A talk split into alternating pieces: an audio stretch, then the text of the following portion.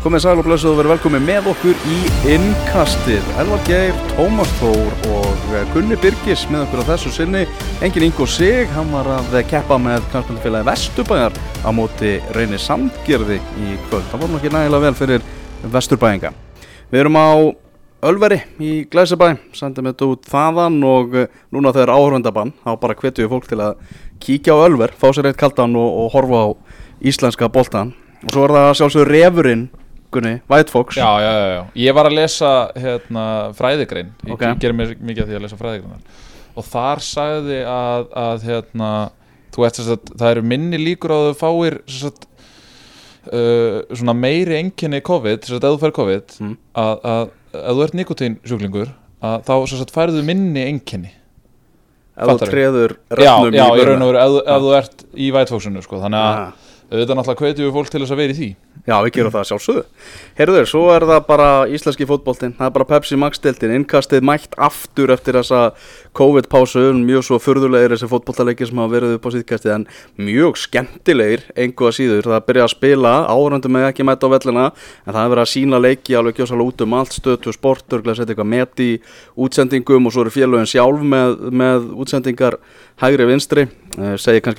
og Leikurinn í kvöld, F á stjarnan. Við erum að tala um leik í fjórðu umferð Pepsi Max deildarinnar. 17. ágúst vorum við að horfa á leik í fjórðu umferð Pepsi Max deildarinnar.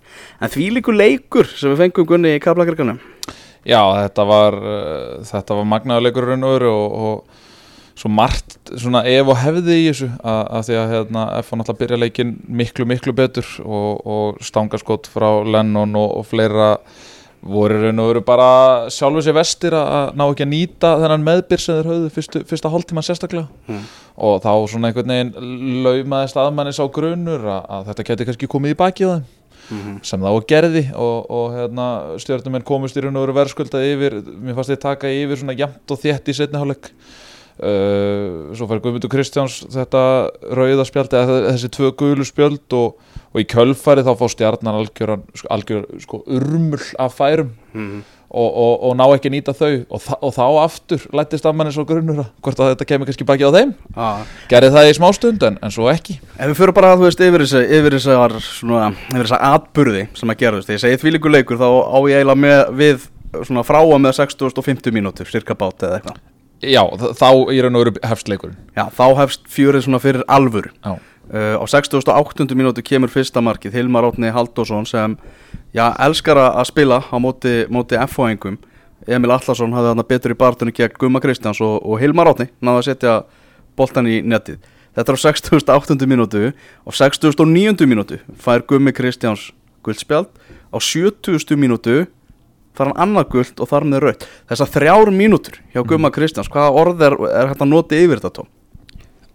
alveg rosalega vond sko, greiði maðurinn því að hann náttúrulega lítur hrigalega út í, út í þessu marki og verið svona se, með hvað er mikið í þessum gæði yfir höfuð þá náttúrulega virtist hann vera nánast svona annars hugar hérna í barátunum við annars fílraustan eh, Emil Allarsson sem að bara svona stígur hann út og þarf ekkert að hafa neitt sérstaklega mikið fyrir því uh, bara lélegu varnarleikur hjá Gumma hann inn í teg og þetta er náttúrulega eitthvað sem að stjörnum miðvörðurinn sem er samt miðmaður en samt miðvörður en samt miðmaður eh, náttúrulega bara að ganga frá og bara koma þessi bolti í hotni eða bara hýrða boltan á honum. Og náttúrulega upp úr því kemur þetta mark. Og ég menna að þú veist ok, allir getur gert mistök og nú eftir þessum leik en hann hjálpaði sér ekki liðinu sínu með þessum tveimur gulu spjöldum. En það verður alveg að gefa honum smá breyk af því sko að hérna, það er alveg að gefa honum þetta fyrra gulu spjöld þú veist hann kemur al, ha, mjög langt fram á völlin fyrir Mhm. aftan í aftan hann í stjórnumannin og veist, átti svo sem ekkert eitthvað séns í boltan bara koma og setja pressu og bara allt í lægin hitt ekki boltan og bara guldspjald sko. hittaði mig er svo veist, ég get náttúrulega ekki haldið í fram að þessi ekki guld þú veist að því að sangvað ströngustu reglum er þetta öruglega guldspjald en þetta er bara, þú veist, hann sagði náttúrulega í viðtalið við stundu sport ef hann ætlaði að slá hann þá hefði hann bara slegið hann í andlitið skilu og gert það bara hressilega. Hann virkaði eiginlega meira bara svona þreyttur og svona, ég ætla nú ekki að segja áhugaðlaus hann er nú mikill áhuga í orðum þegar hann spila fótbolta sko, en hann setur höndina bara út nánast í svona einhverju von um að í hans orðum, til að nota hans orð það var að stíga mannin út, sem hann var alls ekki að gera að og svo hleypur hann raun og veru bara á, á höndina á honum sko. og ég veit það ekki, þú veist hvort að Vilhelmur Alvar hefði mátt anda út og anda inn og anda út skilur og ekki kannski hendunum út af. Ég hefði svona alveg verið til í það fyrir leikin ef ég verið stjórnumæður ég- tók ég þetta alveg sko. En mér finnst þetta, mér finnst þetta óþarf hjá Villa en öruglega rétt hjá honum. Soft, Gunni Já, mér fannst þetta að vera frekar soft og ég er svona, eins og, eins og Tom segir að, ég veldi fyrir mig sko hvort að Vilja hafi bara verið svolítið hátt upp út því að þarna var leikurinn einhvern veginn, hann var að píka þarna. Mm. og ég veldi fyrir mig hvort að Vilja hafi kannski sko, að því að dómaran alltaf verið að halda þessari stói sko, línu sko, ég veldi fyrir mig hvort að Vilja hafi svolítið píkað með leiknum. Og, og, hérna, og mér fannst að vera svona eins og segi, mér fannst að vera líka bara full fljótur að, veist, hann hikaði aldrei. Bara reif strax upp setna guðla á rauða. Þannig að þú veist, Anda þú veist og ef, ef hann sér þetta þú veist ef honum líður inn á vellinum semst Villa eins og hann hafi sett hendun út og slegið hann þá skilur maður þetta alveg eins og við erum að segja að það er ekki hægt að hengja Villa fyrir þetta, alls ekki. Nei, en þú veist eftir að skoða nokkrar endursýningar þá held ég held ég að Villi ef hann er að horfa á þetta í kvöld svona þú veist sé alveg sammála því að hann hefði alveg geta sleppt þessu veist fyrir leikin Já, það er svona þumalbjötaregla það ekki á dómurum svona að ef hægt er að reyna að halda mönnum svona sem að hann gerir alla jafna og svona, já, já, þú veist, fattur þú þannig að þetta, þú veist, is what it is en, en það er eins og segir til að endur taka í fymta sinna, það er ekki þetta hann fer ekki, það er ekki nei, það er ekki eftir mínus í leikmanninn. gladdan fyrir, nei, Ja. hann er alveg, hann er alveg góður sko. Herri og síðan bara verist ekki að stefna í það að FH sé að fá nokkuð skapaðan hlut úr þessum leik þegar Eyjólfur Hjeðinsson ákveður bara að sem var búin að vera bæðið frábær. Já, kemur hann og mætir með eina stungu sendi eitthvað á móterja á sko, og af öllu móterjum þá hann að velja Stephen Lennon að gefa á. Ég hef valið alla í F-fóliðinu varamennina, mögulega ekki eið, ég hef ekki gefið honum þetta færi. Uh, alla í stúkunni líka uh, þóttar að síður sko já, Jón Elling, ég nú kannski ekki gefið honum þetta færi hérna 91 skilur en hérna, en já en þú veist, þetta er svo skrítið því að Eyjólfur er náttúrulega einhver besti leikmaður bara svona á bolta og þegar kemur að taka ákvarðanir, bara hans þetta er það sem hann gerir inn á fótboltavelli. Og þetta tr tröst er bara eitt, af hans einkennisorðum sko. algjörlega, en það fór Óli Jóhanna strax til að setja í leik og reynda að gefa um einhverja fimmur en Eyjó var nú ennþá svona þú veist að þakka Haldur Orra fyrir að hafa bjargað sér úr þessu en það sem kom mér alveg mest óvart við þetta var að þetta var ekki einhver svona blindsending. Þú veist, hann er alveg að horfa tilbaka og það er bara eins og heilin á honum frjósi halva sekundu Já, og þú ert ekki að bjóða Stephen Lennon upp á það er ekkit allir strákar í þessari deild sem að teki þetta færi svona. Þú veist, færð færi, manni veist, Já. það er eitt séns til að jafna hana leik. Einhverju hefði bara blast á Já, einmitt, og, og, og Halli gerir ógeðslega vel kemur Já. langt út, gerir sér stóran bara eitt besti markmann í deildinni búin að vera flottur á þessu tímbili og sjáu hvað hann er rólegur, hann bara býður, Mhm. býður og svo bara sprengi fram hjá honum og mark veist, Mhm. þetta var svo vel klárað sko. já. En talandi um markverðið þá verðum við að gefa ég var alveg búin að undirbúa alveg einhverja ræðu sko en, en hérna Gunnar Nílsen alltaf hefði verið sko point vinner fyrir FH ef að, ef að leikurinn hefði endað 1-1 Mhm. af því hann á þarna tvær ef ekki þrjár vöslur, eina frá Hilmar Átna þar sem að Hilmar Átni færa hann bara í besta færi lífsins, bara döðu boltin í teig. Uh, ein frá Egil og Híðis held ég, uh, vassla af stuttufæri Mhm. og svo ein, ein vassla eftir hotn bara, og tværi upp út tíma, Já, bæði já, og, já. hérna, og færið undan frá Já. já, já skallinn og tveir skallar ekki? Já, sem að vera hérna, já, bara úgeðslega vel gert sko. þannig að, þannig að grátlegt fyrir hann líka Stóra sögulínan síðan í, í þessum leik. En náttúrulega flautu markið sem að Haldur Orri Björnsson skoraði var nú fyrrum leikmaður F-áinga og var nú ekki mikið að sína í F-ábúningnum Nei. en hann er búin að reynast stjórnumunum vel eftir að koma aftur í, í Garðabæðin og komið mjög mörgum þar á meðal mér á, á óvart. Og þetta var rosalega fallegt markið Þetta var geggjum mark og maður náttúrulega, ég er búin að halda með hérna þessum fyrrum stjörnu sko pítsubakara á, á pítsunni hérna í Garabænum mjög lengi uh, toppstrákur og var náttúrulega var stórkurslu fókbaltamaður, hefur kannski alveg sýnt okkur það sem að sýnt okkur hér á árum áður. En bara, þú veist það, þetta er svo gæði sem er svo auðvelt að halda með þegar hann skóra svona mark en bara ógæðslega vel gert. Þú veist, það er náttúrulega lága aðmyndi upp á tímanum Mhm. manni fleiri að reyna að tróða boltanum inn eins og Gunni segir, Gunni Níls. Bara uh, hann er hann er tíu sekundum frá því að vera svona stigs hetja en því lík afgrist þetta er fastu bolti fyrir markið. Þetta er svona þrumunum inn á hættusvæðu og vona það besta sérst boltin sem kemur hann fyrir tegin og setja hann bara með hælnum fast, ekki það langt frá Gunna en á svona ógeðslega Já. óþægilega stað sérstaklega fyrir svona stóran markmann. Trillt mark, sko. Hvað er trillt. Guðjón Pétur Lýðsson þessu nú? Hvað ég meina, hann, skorar í síðasta leik en það er samt sem að bara jafntefla mútið gróttu. Já, uh, flesti leikin er hans á breyðablík þá er hann annarkvort að koma inn á þegar leikurinn er nokkurn veginn unnin uh, eða þá að hann spilaði í þeim leikju þar sem að blikarnir voru svona frekar dabrið svolítið sem mútið fylki út í felli mm. uh, það hlýtur af sko, ekki það, það er sennilega, þetta er eini leikmann í dildinni sem að þetta mun ekkert hafa áhrif á sjálfstyrstu sko. en, en staðan hans í stjórnuliðinu er alls ekkert spes Já, klukkin er opinn já, og hann elskar good shit já, já, en ég meina, má hann, hann má Nei, nei, ég segi bara svo er bara, er bara hann elskar þegar glukkin er opinn sko. hérna, Ég held að stóri munun og, og göðalís í uh, blikum versus stjórnunni sé sá að uh, hann átt aldrei séns í breiðabliki Óskar vildi ekki nota hann bara, bara fittaði ekki þann inn og hann bara langa ekki að hafa hann í þessum hópi á meðan hann var ekki að, uh, að starta og spila. Og öll svo bara gamma, sama gamla tukka og hann átti í raun og aldrei breyk hann í stjórnunni er hann alltaf að koma inn í fótballtalið sem að hefur ekki ennþá tapaleik og er svona þokkalega fastmótað en vildi auðvitað bæta við sig. Þannig að ég svona ég skil alveg hvað þú fara því að hann alltaf hatar að sitja á bekknum meira heldur en held ég nokkuð maður í heiminum nema kannski Eiður Aron, hann er svona búin að vera svolítið opinn með það, hann er ekki mikið fyrir bekkjasittuna, ekki svo sem frekar heldur en nokkur annar.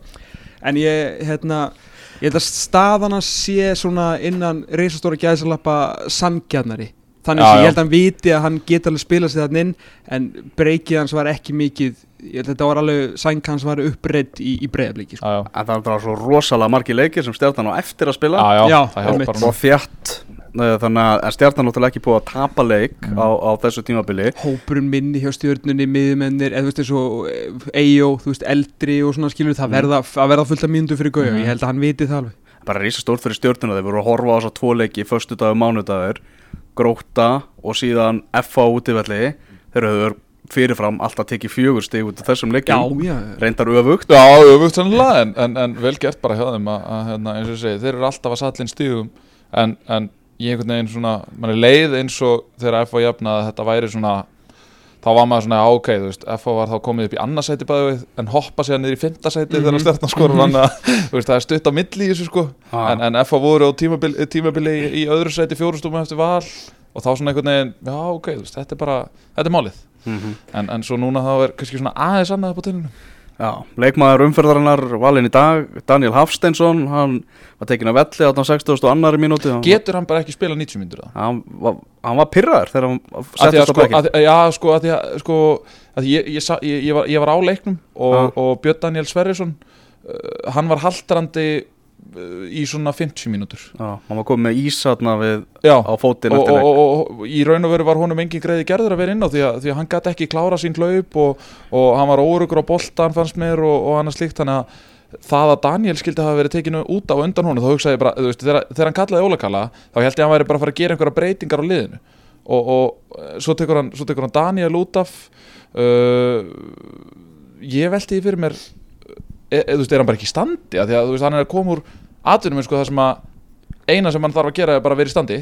Hann strauk nú bumbuna í, eftir sigum Já, ég, er endar, ég, hef, ég hef ekki heyrt þá umræðu. Ég, eða ég, ég, ég honestly veit ekki hver var að ræða. Allavega veit ég að það var ekki við og doktor var ekki með það og ekki neitt svo leiðis ég, ekki veit ég sko. Nei, Það er ekki bara eitthvað félag, félagarnir að skjóta á hann eða eitthvað. Það getur verið. En, en veist, ég velti fyrir mér samt hvort þetta sé ekki grín Eða þú veist að Því að ég meina Hefur, hefur hann klárað 90 mínútur ég bara, bara, bara mann það ekki Nei, sko en, en- en, en svo vantarlega snýst það líka um að vera eitthvað veist á Að já. þeir eru líka að koma úr, úr svaka leik þar sem að Daniel alltaf setti fullt í leikin og vann Mhm. leikin fyrir Mhm, þá uh, þú veist, og reyna að koma auðvitað líka kannski bara ólakala inn og veist, reyna að vonast til að hann eða gæðin sem myndi skora mútið gamla leginu sinu því miður fyrir FH var það náttúrulega var það höfugt, var það Haldur Orri sem skoraði móti gamla leginu sinu þannig að hérna, ég, ég veit það ekki en hérna, Óli Kalli gerði nú hann gerði ekki mikið á þessum hálftíma sem hann var hann inn á mm. en samt var hann í viðtalinu eins og hann hefði bara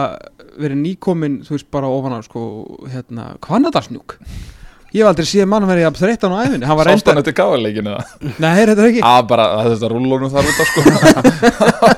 Hann var Það ekki var svoleiðis, sko. eðlilega þreytt Var þetta já. ekki líka einhvern veginn líka bara andleg bugun einhvern veginn að tapa fyrir stjórnunni Já, bara bara- klálega líka sko, hann og sko mikið Silfurskeiðin var syngjandi meðan hann var í viðtalinu sko. Já, já. Þe- var syngjandi Þeir voru búin að rífa sig úr ofan hann á Já. staðnum hann þar sem að Jón Rúnar stendur oftar en ekki þarna, þar fyrir aftan þá voru þeir að syngja og tralla. Já, sungum meðal við erum að fara að vinna þessa deild. Já, það, það er alveg það er bjart síni í Garðabænum drátt fyrir að þeir hafi mistið í segðan sann á móti, móti grótumunum Ég með þeir eru fjóru stöðum frá val og eiga tvo leikindi góða og það er ennþá síðastir þessi gefið þrjú stöð fyrir segur skilur þannig að þeir getur alveg verið í toppsætinu þegar öll liðin eru búin að spila jafn marga leiki. Menn þeir er allan að neita að tapa fótballtaleikjum og það voru ekki þeir sem að voru að að græja eitthvað punkt í kvöld. Þú veist, þeir unnu leikin í Kaplakríka þannig að þetta er mjög vel gert og halda áfram að að hérna spila vördninu var góð, þrátt fyrir að og það var alltaf fengur alltaf stungusendingu frá hinul eða skilur frá sína eiginliði og þeir eru ennþá það lið sem er búið að fá á sig uh, fæst mörg í þessari deilt það er eins og hérna,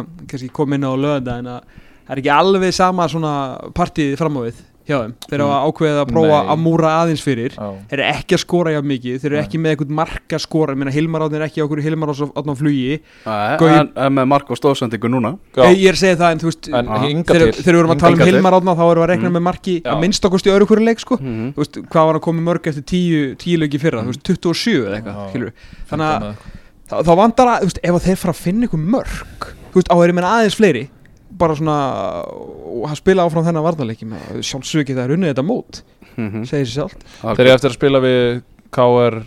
Breiðaflik Þetta er að spila öllu, alla leikinu eftir bara búin með áttaleg Þannig að nóa, nóa möguleikum í bóttinum fyrsta tapið hjá, hjá Loga og Eyði en það er bara áfram gakki í kriganum.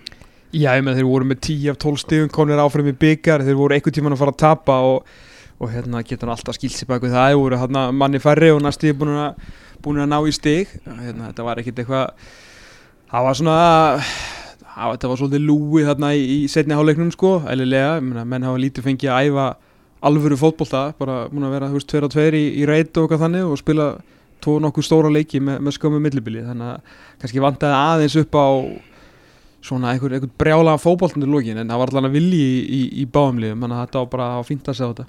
Þarna förum við verið á heimavöld Haminginar þar sem að vikingur mætti breyðabliki tvö fjögur enduðu leikar. Kom þér ekkert óvartkunni, þú spáður með tvö fjögur eins og eðlilegt og, og það er, en það var náttúrulega alveg vita það var svona búist við því þegar þessi tvölið myndu mætast að það erði skemmtun. Já, þetta var bara geðvikt skemmtilegur leikur og, og hérna, mér finnst bara bæði liðleggja einhvern veginn allt í söglunar sóknarlega og voru opinvarnarlega en það eru líka veikleika sem að þessi liður held ég alveg tilbúin að lifa með. Og uh, náttúrulega skörðhokkin í, í báðar varnir sem að uh, þú veist opnaði leikin ennþá meira. Uh, mér fannst sko uppspilið hjá breyðarblik fannst mér vera eitthvað sem að vikingar díluðu illa við og og þeir, þeir evasendamenn og, og, og konur sem hafa verið að gaggrina uppspil breðabliks uh, frá markmannu og annars líkt uh, segja að það hefur verið sékja þá náttúrulega ber líka rósa þegar það er velgert að, að hvernig Elvar Freyr til dæmis leysir stöðuna þegar hann kerir inn á miðsvæð uh, gerði vikingunum lífi leitt. Og, og mér fannst það skapa mikinn usla uh, inn á miðsvæðinu og ákvarðan að taka Elvars fram á þau var raun og veru bara eins og bara hjá topp top miðjumanni sko playmaker. Með svona frábæri í þessu leik uh, en, en eh, fyrst, og, fyrst og síðast fannst mér þetta bara já, ég held að það sé bara skemmtilegast leiku sem ég hort á í sömur sko. Hmm. bara alla deldir og allt sko. Já, þetta var hérna frábær skemmtun. Bara var aldrei döðu punktur Nei, það er nefnilega málið, þú veist, það var einhvern veginn veist, þegar bregðarblið kosti 3-1 þá, það kvarlaði aldrei aðmanni einhvern veginn að leikurum verið búin aldrei. Mm -hmm. veist, meina, og það síndi sér strax ég meina vikingar fóru bara strax að sækja. Ah. þannig að þú veist, mér fannst einhvern veginn og, og blikar í svona miklu meiri kannski varnarkýr heldur en þeir hafa verið að sína á, á þessu tímabili eins og bara Óskar Rapp talaði um sjálfur. Þeir hafa sínt svona meira ljónshjarta eins og orðið sem hann notaði mm -hmm. varnarlega heldur en þeir hafa gert hinga til þess að þeir hafa verið einhvern veginn allt of linir og ljúfir í, í varnarleiknum. En nú var meiri, meiri harkiði í þessu leik Já, já, ég get alveg verið sammálað því og, og hérna, þetta var kannski ekki svona, það var svona aðeins breytt út frá, frá hugmyndafræðinni, þú veist, Anton fekk kannski meira frjálsræði til þess að setja bara nokkra bolta út á vangina á, á höskuld og, og hérna, uh, hver er í hinum einn?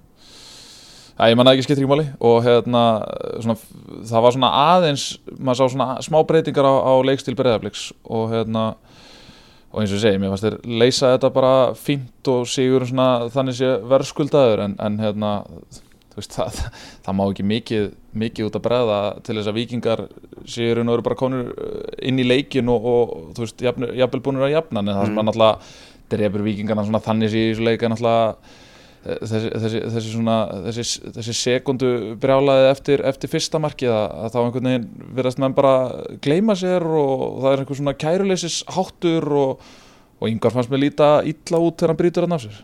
Förum bara aðeins í þetta, atvik fyrir atvik. Blikar komast yfir, Kristi Steindósson heldur áfram. Átti yngvar að gera betur í markinu, Thomas? Það fannst mér. Ég, hérna, því miður er þetta bara búið að vera í, í taktu það sem að yngvar hefur verið að sína á þessu, á þessu móti. Þetta er einhver alltraustasti markmaður sem ég hef séð frá að ég bara byrjaði að horfa á íslenskan fótbolta. Alveg frá að við vorum að reyna að koma honum í undir 21 árs landsliði þegar enginn horfði á hann í Njarvík nema við. Mm -hmm. eh, hann var frábær þar sem ungu maður hann var besti markmaður á Íslandi hérna um, um kannski tveggja ára skeið eða svo. Eh, hérna Íslandsmeistari aldrei spila lélegan landsleik þegar hann hefur fengið þessi tækifæri í þessum landsleikju sem hann hefur fengið ég hef bara man ekki eftir því í fljótu bræði að hafa síðan spila eitthvað leik þar sem ég verið bara eitthvað Jésús minn, frekar hefur verið bara Jésús minn, þú veist eins og 2014 tímbili sko. Eh, núna finnst mér bara leik eftir leik.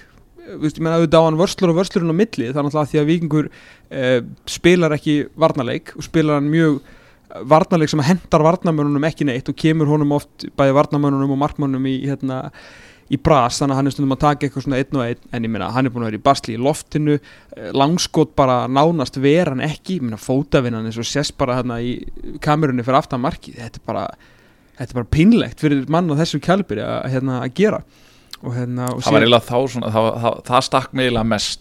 Ég hugsa, ef ég var yngvar þá hefði ég óskað þess að svo kamera hefði ekki verið hún, stað á. þetta hefur verið þryggja Já. Þetta var aðeins og marga kameru sko, Shit, sko, nei því miður að, hérna, Hann Já, ég meina hann er, hann, já, algjörlega Það verður bara að segjast alls verður Því Mm. miður fyrir vingarna sem að vantarlega Ég meina, settu mikið púður í að, í að fá hann Til að, hérna, fá alvöru gæja hérna í ramman Ekki það alvöru gæja, ég meina, Þóra Ringarsson Óks og óks með síðast tímbilið En ég meina, ok, ég meina, þú veist, það var tækifæri til að fá svona markmann Og ef þú getur fengið hann og tekur hann En vonbreið, ekki spurning mm Blikar komast þannig í, í 2-0 þegar Viktor Örlugur sem að var að leysa af í hafsendum ennþá alltaf að detta inn einhver meðslavesen og, og, og bönn í varnalínu hjá, hjá vikingum Kári Átnason náttúrulega ekki með og Haldur Smári ekki heldur og þeir verða bara vist kvíldir fram að Evrópuleiknum. Mm -hmm. uh, og Viktor Örlugur sem að gerði þarna hrikalið mistök og Brynjólfur krækti í víti sem að skora þess að sjálfur úr sitt fyrsta mark á, á tímabilinu. 2-0 en Óta Magnús Karlsson hann uh, minga munin með laglegu marki. Uh, Gísla Jóls 1-3 hvaða lýsingu voru þetta að nota yfir markið Já, hans? algjörlega sturla mark og geggja skot en þú veist ef við bökkum aðeins og förum í, í, í 2-0 og bara Viktor Örleg ég, ég næ ekki þessu konsepti með að hafa hann hann í, í vörninni ég skil alltaf hvað Arnar er að pæla og hann tala svo sem um það sjálfur að hann vil hafa menn sem að geta spila boltanum og, og allt það og hérna ekki gegn svo sem að hafa júlaðan daginn en hann er alltaf fyrst og fremst ekki varnamæður þú ert ekki En með hva- neitt Hvern viltu í ásend? Ég, þú veist, svo er það skilur en ég meina það sést samt alveg greinlega að Viktor Öllugur á ekki að vera þarna. Og ég tala nú ekki um þegar Sölvi er nú ekki sá hérna, fljótasti í bransanum að þá ertu með Viktor Öllug sem að býður nú ekki upp heldur upp á mikinn hraða. Hann hugsa hratt en hann hleypur ekki hratt. Og það verður ekki bara þetta atvik eftir hérna eh, eftir miðjuna þegar Brynjólfur kjötar hann og, og trillar hann inn að teg og, og næri vítaspunduna sem var frábælega gert hjá honum.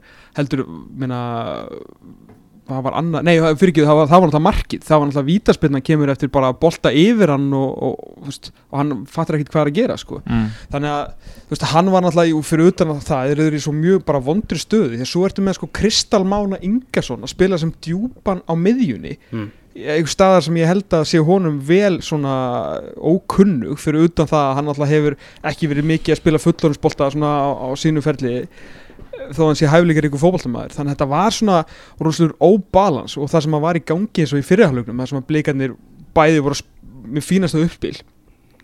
En það verður samt að segja það að þeir fengu ansi góð tækifæri til þess að gera það sem að þeir gera vel. Því að Júli var náttúrulega að gera það sem að Júli gerir. En Níko að spila þú veist tíuna hann einhvern veginn samt meiri framherji leiða pressu um leiðu fóru gegnum óttar og uh, Óttar og Níko sem þeir gerðu mjög auðveldlega bara oft með einni sendingu annar frá Antoni eða Elvar eða eitthvað að þá voru bara þú veist Júli og, og Kristall Máni Ingarsson og Viktor Öllur Andarsson eftir auðvitað voru bleikar að fara að fá fullt af færum í þessu leik og allt það en á endanum alltaf eru tvö mark sem þið skora fyrir utan teik Mhm. eh, annar alltaf á hann að verja en hitt á hann alltaf sjálfsögðu ekki að verja því það er alltaf geðveikt mark hú, hú, hú.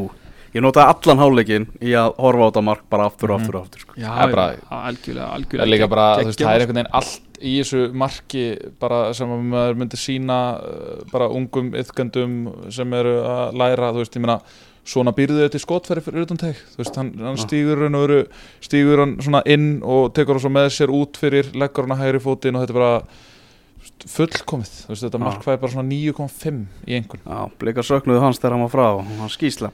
Já, ég, ég veist að það, það sé að koma á daginn hérna, eins og með að ég verði að það eftir. Ég ætla að koma inn að eftir.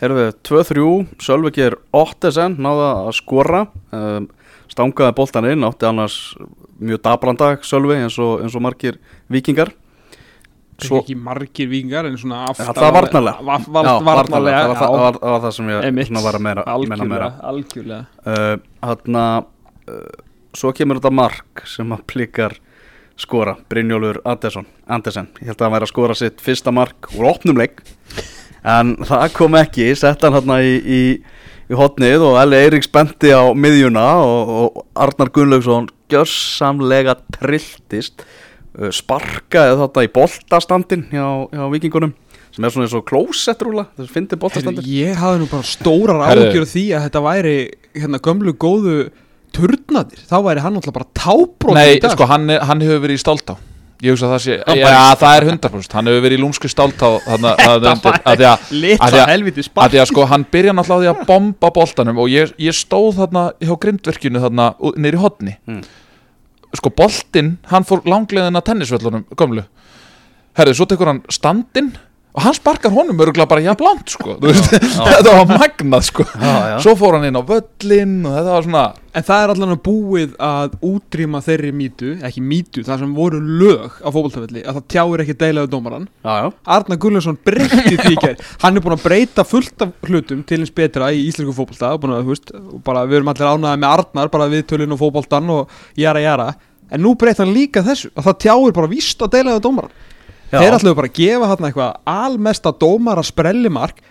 Og sem koma inn á það, Erlendur Eirísson dæmdi hann leik frábælega og geggið að sjá hann aftur sko, Já. hann getur náttúrulega dæmt leikin betur úr miðurhingnum heldur en flestir aðri á þessum flautum eins og þeir deild sko. Já, já. En dómararnir buðu þarna upp á fíasko e, e, Já, e, þar til að Arnar redda þeim. Og ég ætla bara, þú veist, ég skal segja það í gríni en samt í smá alvöru Mm. að dómarinn kási á bara sjá að sér og leifa bara Arnari Gullussoni að vera hann í næsta leik. Hann bjargaði dómarinn sko menn hann er bara dómara ekki- vinur. Er þetta ekki Brengir sem var á eða? Jú, Brengi var á línu og Einar Ingi var fjórði dómari. Hann var hérna hann var mjög ábyrrandi Einar Ingi þarna fjórði dómari. Var alltaf eitthvað veginn eins og að nýta í þjálfaran og eitthvað Mjög skrítið andrunsloft eitthvað veginn hérna Gott þegar þeir eru að hræra upp skít hann í, í leikjum. Já, þetta var eitthvað mjög fyrirlegt En all- allavega, þá hérna Ég veit ekki hver varð til þess að bara að það mark var dæmt af einhverju kenningar um það að það hafi verið Einar Ingi fjórði dómari því ekki fór flaggi á loft og Eli Eirík spennt á punktinn og allt það. Allavega þeir enda á því að komast að réttri niðurstöðu og var nokkuð þá annað hægt samt heldur en að gefa Arnar í Nei, rauðarspil Nei. auðvitað ekki maður, ég er nú bara að djóka eins og ekki sko. var ekki hægt sko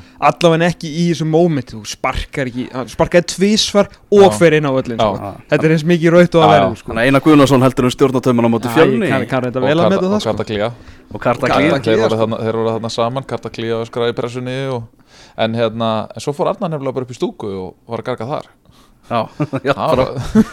Og vellinum, meina, það heyrðist það- það- þú veist, það heyrði svo vel í honum það var ekki á vellinu sko, þannig að hérna, en, hérna ég er ánægðis með hana að, að svo kom hann bara, veist, hann, hann kom bara skokkandi í viðtal, ég horfði hann þegar hann kom til þín. Já, kom bara skokkandi í viðtal og svo sá ég viðtalið og einhvern veginn hann er bara búin að tempra sig tíu mínútum eftir leika eða eitthvað skilur mm, bara búin að tempra sig og bara, þú veist, flott viðtal já skilur hann, hann bara, þú veist, hann tekur aldrei pyrringin sinn Nei. út á fjölmjörnum Nei, nei, nei, nei, nei. nei, og það er, nei. mér finnst þetta svo virðingavert já, að því að maður eru ekki séð þetta sko já, alltaf, að alltaf því að, að því að það er svo margir þjálfari sem kom bara í viðtal og segja bara þú veist, þegar það er tapa þá er þá bara brjálaðir og svo koma þeir að vinna og þá, þá, þú veist, þá er bara allt rétt sem að dómari gerir og margir þjálfarar væru bara búin að láta sig hverfa þarna búin að fá rautt spjald Já, og, já. einmitt, tapa leiknum já, já, og, þú veist, bara, þú veist, reyma fastar á sér stoltána og fara, skilur, lappa bara í burtu Já, þetta er góð punkt þess að tíða þú veist, hv- hvort lið fær tíu áhorfendur á leik Mm. Arna Gunnlaugsson verður bara í stúkunni náttúrulega í næsta leik Mhm. og það verður engin áhorfandi þannig að hann getur Það heyrðir svo stýrt mikið. það hann getur alveg stýrt þessu leik bara eins og En- ekkert en- sé, bara, en- bara úr stúkunni. En má, en má það? Eða sko Akkur mætt ætti það ekki með? Þú veist, ég veit bara ekki hvort það sé einhverjar beinar það er ekki að banna honum að tala. Hann er ekki starfandi þjálfar í leiknum, hann er bara Áhorfandi.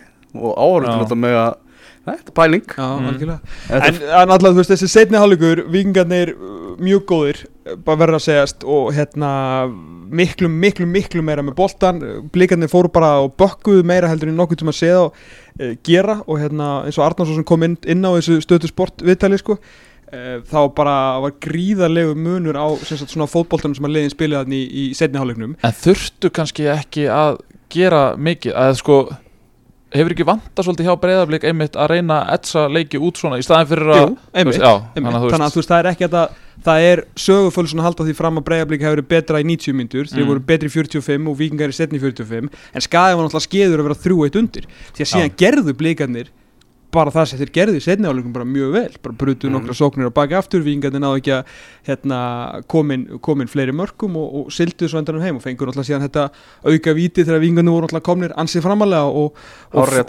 og, já, frábæra Andersen hérna, frábæra Andersen kláraði þetta sko. en Já. hérna, vingaðir, ég hefði viljað sjá, sjálfsög hefði ég viljað sjá ég held að það hefði verið mjög fróðlegt fyrir áframhaldið í bara íslenskum fótbolta og bara fyrir hennar leik. Ef vingar hefði jafnaði þetta 3-3 á svona 70 stu eitthvað síðustu 20, það hefði verið mjög Mhm. áhugavert. Það hefði Já. verið mjög skemmtileg umræða að taka en ég blikar auðvitað, auðvitað sátti með þetta sko. Brynjólfur var náttúrulega frábær í svo leik var, var, var að fá færi aftur Fyndið- og aftur og aftur. fyndið setna vítið hans. Svona einhvern veginn slæsar boltan einhvern veginn. Já, en, en já, hann, var- hann, var- hann var en tók hann þetta ekki, átti ekki bæði við, var ekki fyrra vitið smá slagt, allan gerði þetta í báðum eða?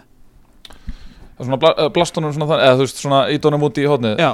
mm, eða allan að setja hann alveg í miðjuna í fyrraviti það skýtur svona Já, getur já. málið meðan hann skóra á báðum. Já, já. setna viti var bila þetta var líka svolítið bara leikurinn hans Þú veist, blikarnir mættu allir með pandagang hérna, Já, hann- grímutnar á, á af öllum völlin pandagengrimur Já, já, hann skorar tvö, kemur sér á blað og, og tekur hann að pandavokkið í fyr, eftir fyrra Já. vítið og Já, allt þetta þessi- sem hann bara gerir já, já, en það sem að hérna, sko það getur alltaf allir og ömmu þeir að skora úr vítaspinnum en mikilvægt fyrir hann að skora. En Já. það var bara, þú veist, það var drop í hafið með hvað hann gerði í þessum fótballtaleik Já. tók hann var, mikið til sín. tók mig og gerði bara allt sem hann gerði and then some, skil, þetta er Mhm. búið að vera svona magnast upp með hverju leiknum og frábæra móti, valundaginn Mhm. var að gera þá svipað hluti er svo erfiður þegar hann límir sig á einhvern varnamann, fær boltan snýr framhjöðin, getur tekið tvo í einu Mhm. heldur ótrúlum balans, kennst upp að endamörkum fínar ákvarðanatökur eh, fínar, góðar ákvarðanatökur í krossum fyrir tegin hann er ekki besti slútari sem ég hef séð, það er eitthvað sem hann má alveg svona æfa sig í sko ég bara slúta fyrr basically Já, og bara gera þetta betur, bara Já, sparka honum í markið, já. það snýst um það en, hérna, en, en leikurinn alveg bara sublime hjá honum. Algjörlega geggjaður. Já, ég er líka bara, veist og viðtal líka, að þú varst að tala um viðtalið. Já, að hérna það hefur margir mætt með hérna, hjarta í hárunu þetta, við skulum hætta að kalla hárgreislur mm. þetta er alltaf bara krót. Sko, þetta er ekki hárgreislur við skulum átt okkur á því að það tekur 2-3 tíma að græja þetta. Þetta er ekki nefnilega ekki bara þú veist, þetta er ekki bara spray. Já, þetta er ekki bara spray og það, þú veist, ég held að sko að það þurfi alltaf að aflita hárið veist, byrja á því og svo er sett eitthvað svona grúsintúlur í sko, en hárgreislur er þetta ekki, þetta er bara krót en þetta er skemmtilegt.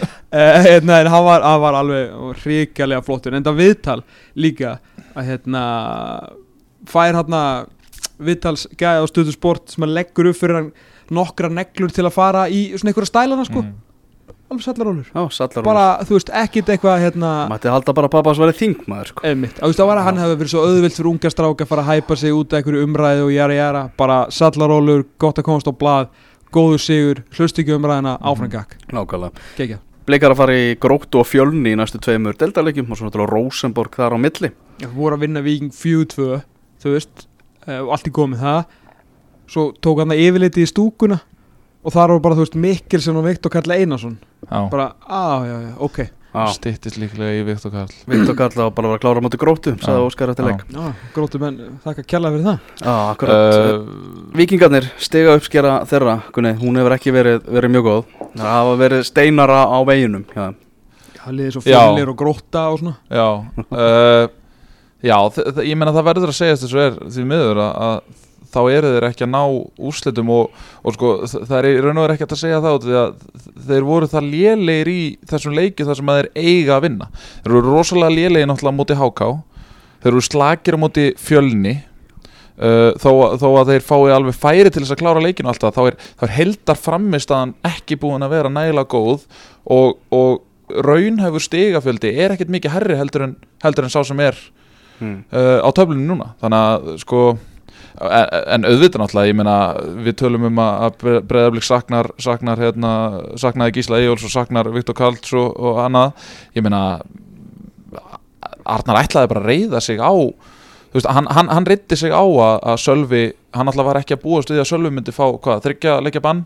Uh, ég veist um hann hefði gert ráð fyrir því að Kári væri svona mikið fjárhörandi Mm Uh, ég veist um hann hefði gert ráð fyrir því að Halldór Smári væri líka svona fjárverandi uh, þannig að þú veist það eru rosalega skörð hoggin í þetta vikingslið sem maður náttúrulega sko má ekki líta framhjá og það, það, það, það þessi, þessi lið sem hafa verið svona allir svona smá innan gæslappa vombriðum uh, ef, ef við tölum til dæmis um háká það er að sína sér rosalega mikið núna að Byrni Snæri er rosalega mikilvæg fyrir þetta hákálið og það var kannski lítið rættu það í byrjun móts þegar hann var ekkert með. Þetta komin í háka fjölni Nei, ég er ekkert komin ákvað, þetta er bara það sem ég ætla að nefna Já. áðan með Gísla Eyjáls og allt þetta en þú veist, þetta er svona, og, og sama, þú veist, Kristi Freyr með val og þú veist, það er þetta að nefna svo mikið á svona dæmum og, og vikingar er ekkert undaskildir í, í þeirri umræða að, að hérna, þeir hafa saknað fullt af líkil manna í, í leikjum þar sem að þeir þurfa lífsnöðslega á þeim að halda og, og ég get alveg skilið Arnar að vera svona smá gramur yfir því að geta ekki reitt sig á þessa hesta, sko Mhm. Við, uh, þetta voru svona, já, tveir stærstu leikinir sem hafa verið undanfarnar daga í Pepsi Max dildinni Skulum renna svona uh, yfir hina leikina. Uh, nokkuð snart Háká vinnur hérna fjölni þar sem að Martin Rásenberg nýkominn frá stjörninni er stimplað sér inn hérna, var 0-0 í háleik, hann skorar í uppáði setna háleik, svo kemur Birnisnær Ingason skorar 2-0, Viktor Andri Hafþórsson 2-1, Birnisnær Ingason 3-1 og Háká vinnur hann að leik mm Fjölnismenn fallnir, þetta er bara það er ekki sjans að þeir ná að komast yfir þessi lið sem eru hann fyrir ofan sko, max gróttu. Mm -hmm. og það er bara allt útlýtt fyrir það að verði bara nýliðarnir tveir sem fara niður aðalega þið skoði bara liðin sem eru uh, í sætunum fyrir ofan. Já, maður sér ekki gróttu og fjölni fara yfir þetta. Nei, við kannski koma því á eftir en uh, veist, maður þarf samt maður getur ekki fara að gefa káa eitthvað allt og mikið að stegum með það sem er í gangi þó ég skilji hvað þetta fara sko. En hérna, nei, nei, veist, þeir bara þeir eru ekki að búin að vinna fótboltaleik eftir tíu leiki þeir eru ekki komnir yfir tíu mörg þeir eru að fá þessi flest í deildinni þeir fá þessi þrjú mörg á móti háká sem er nú ekki verið hérna kannski beint að að rusla inn mörgunum þú þú, veist það er áfall eftir áfall eftir áfall hjá þessu fjölnisliði Mhm. missa líkilmenn, beggi hættir kortir fyrir mót, þeir eru að fá, fara séðan og heyrðu nú ætlum við að keiri þetta að fá útlendinga þessi Dani hann að Sivebæk bara hann er meittur og lélugur og farin heim sko. Mhm.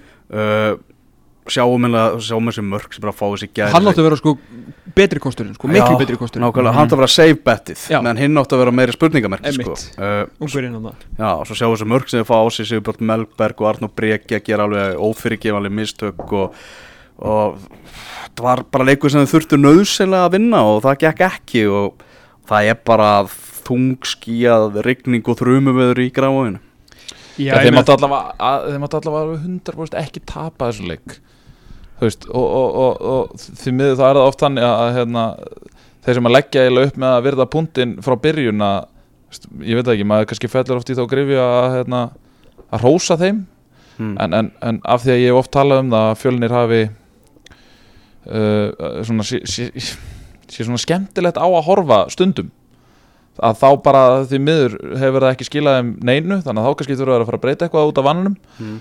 og ekki gera þeir í þessum leik og þe- þeir átt eiginlega ekki breyk sko. Hmm. Nei, maður horfir bara á byrjunlegi hjá þeim í þessu leik og maður hugsa bara bara lengi úr deildin, þú veist, því miður þú veist, það eru tveir hérna, ríkala flottir ungi strákar hérna, bæði Jóhann Úleitn og hérna, og Hallvar Róskar þá er ég meina svona alvöru góðir ungi strákar og síðan alltaf eru hinnir sprækir inn á milli. Já, eh, Já, bara fullt að lengju köllum hana Já, já, þú veist maður þessi ungveri ekkert, ekkert sérstakur uh, hérna, Sigpál Melberg er bara mjög fín lengjuleikmaður strákar eins og Hansi og, og hérna Gummi Kalli kannski ekki alveg kallar náttúrulega verið aðna oft en eh, kannski ekki alveg svipur hjá sjón og hefur svo sem ekkert verið það í svona tíma. Uh, Alli Gunnar í markinu ekki langt sinna hann var í annara deild og allt það þannig að veist, ég bara horfa á þetta lið og ég veit ekki hvaða lið þeir eiga að vinna sko. Já, og, finnst- og meðan eru fjölnismenn með Arnar í, í markinu sem er búin að sanna sig Nei, hákáingar með Arnar í markinu sem er búin að sanna sig sem Pepsi Max mark, markmaður Mhm. sem er fjölnismaður Mhm. og Birnir Snær sem að þú veist er aðal, aðal kallin á vellinum í gær er uppalinn fjölnismaður líka sko. Eh, erfitt fyrir fjölnismenn að kingja þessu Já, já, og fóru náttúrulega aðra leið fóru náttúrulega ekki beint í fjölinni ef ekkert fyrir mót en auðvitað strákar sem að þeir ólu upp sem að fóru eitthvað annað og enda í liðum sem eru betri heldur en þeir í dag. En þú veist, já, ég meina, þetta því miður fyrir fjölinni það þarf eitthvað kraftaförk og þess eða, eða þegar þeir alltaf fyrir upp. En mér áhugavert með þetta hákálið halda sér frikið að hérna áhugavert með þetta hákálið þetta er alveg, þetta er alveg stórmerkilegt apparat sko.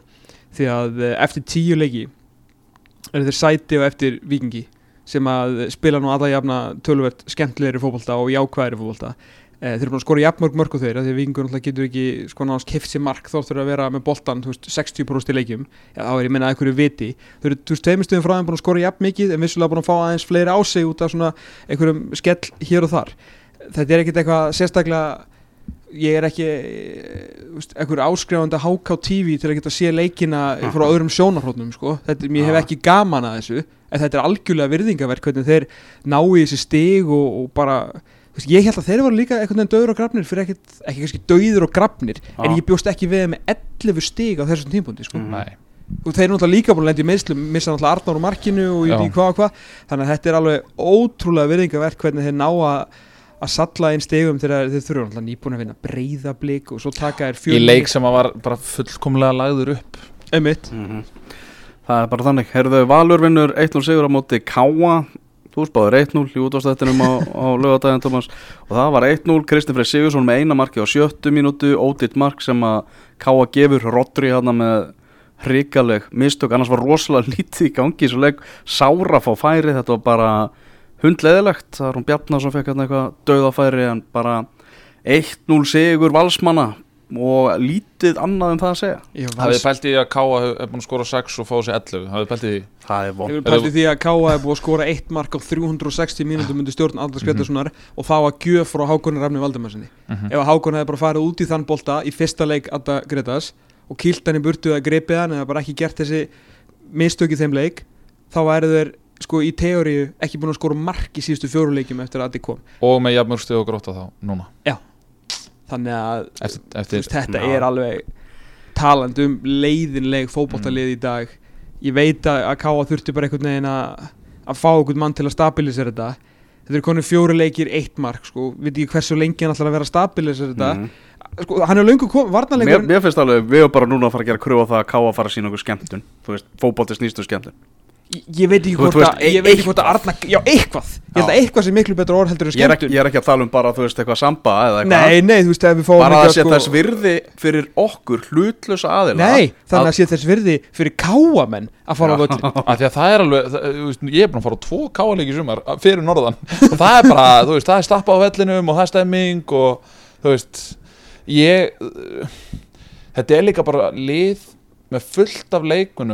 er sem geta spila pósitífan fótbolta. Það þarf ekki að vera svona þungt og erfitt og leðilegt En ég sé ekki heldur betur en hann sé búinn að laga Einmitt. Það er ekki eins og þeir fáu sem mikið af mörgum hann er kannski hrættur 2-0 að, og hann jafn- er kannski hrættur að leiða þeir fara að færa sig eitthvað framar og, og reyna að opna anstæðingana að þá verði þeir opnari sem við leiðist tilbaka en Ég meina ef þú En svo þá skorur hann bara meira, heldur en anstæðingur Það er náttúrulega skemmtilega þessu. Ég meina ef ég væri heima og myndi bara anda á 30 sekundar fresti og myndi ég líklega bara það kemur ekkert fyrir mig sko. Veist, með það er ekkert mála þú veist, hafa engar á, þú veist, þetta er náttúrulega verið löngu búin að auðlista til því að þessi hræðslufóbolti hætti sko. Mhm. og það er ekkert að þú veist, ég veit að þeir náttúrulega liggja tilbaka og menn eins og Gunni segir ástæðan fyrir að geta fá þessi mörg en þeir eru búin að, var ekki, var ekki fyrsta marki sem að ká að fara á sín deildinni undir stjórnanda, var ekki 1-0, 0-0, 0-0 þú veist, 1-0 sigur Mhm. Mhm. fær tvö stegum móti F og KR Var samtals. ekki eitt, eitt, eitt þarna á móti það var okkur byggarleikur bara eða ekki? Nei, þeir náttúrulega, Já, þú veist, það tapar Já, náttúrulega já, í BF já. sko. Nei, byrjaði hann ekki á móti Já, það er fjölni rétt, jú, það er rétt. Nei, hann byrjaði ekki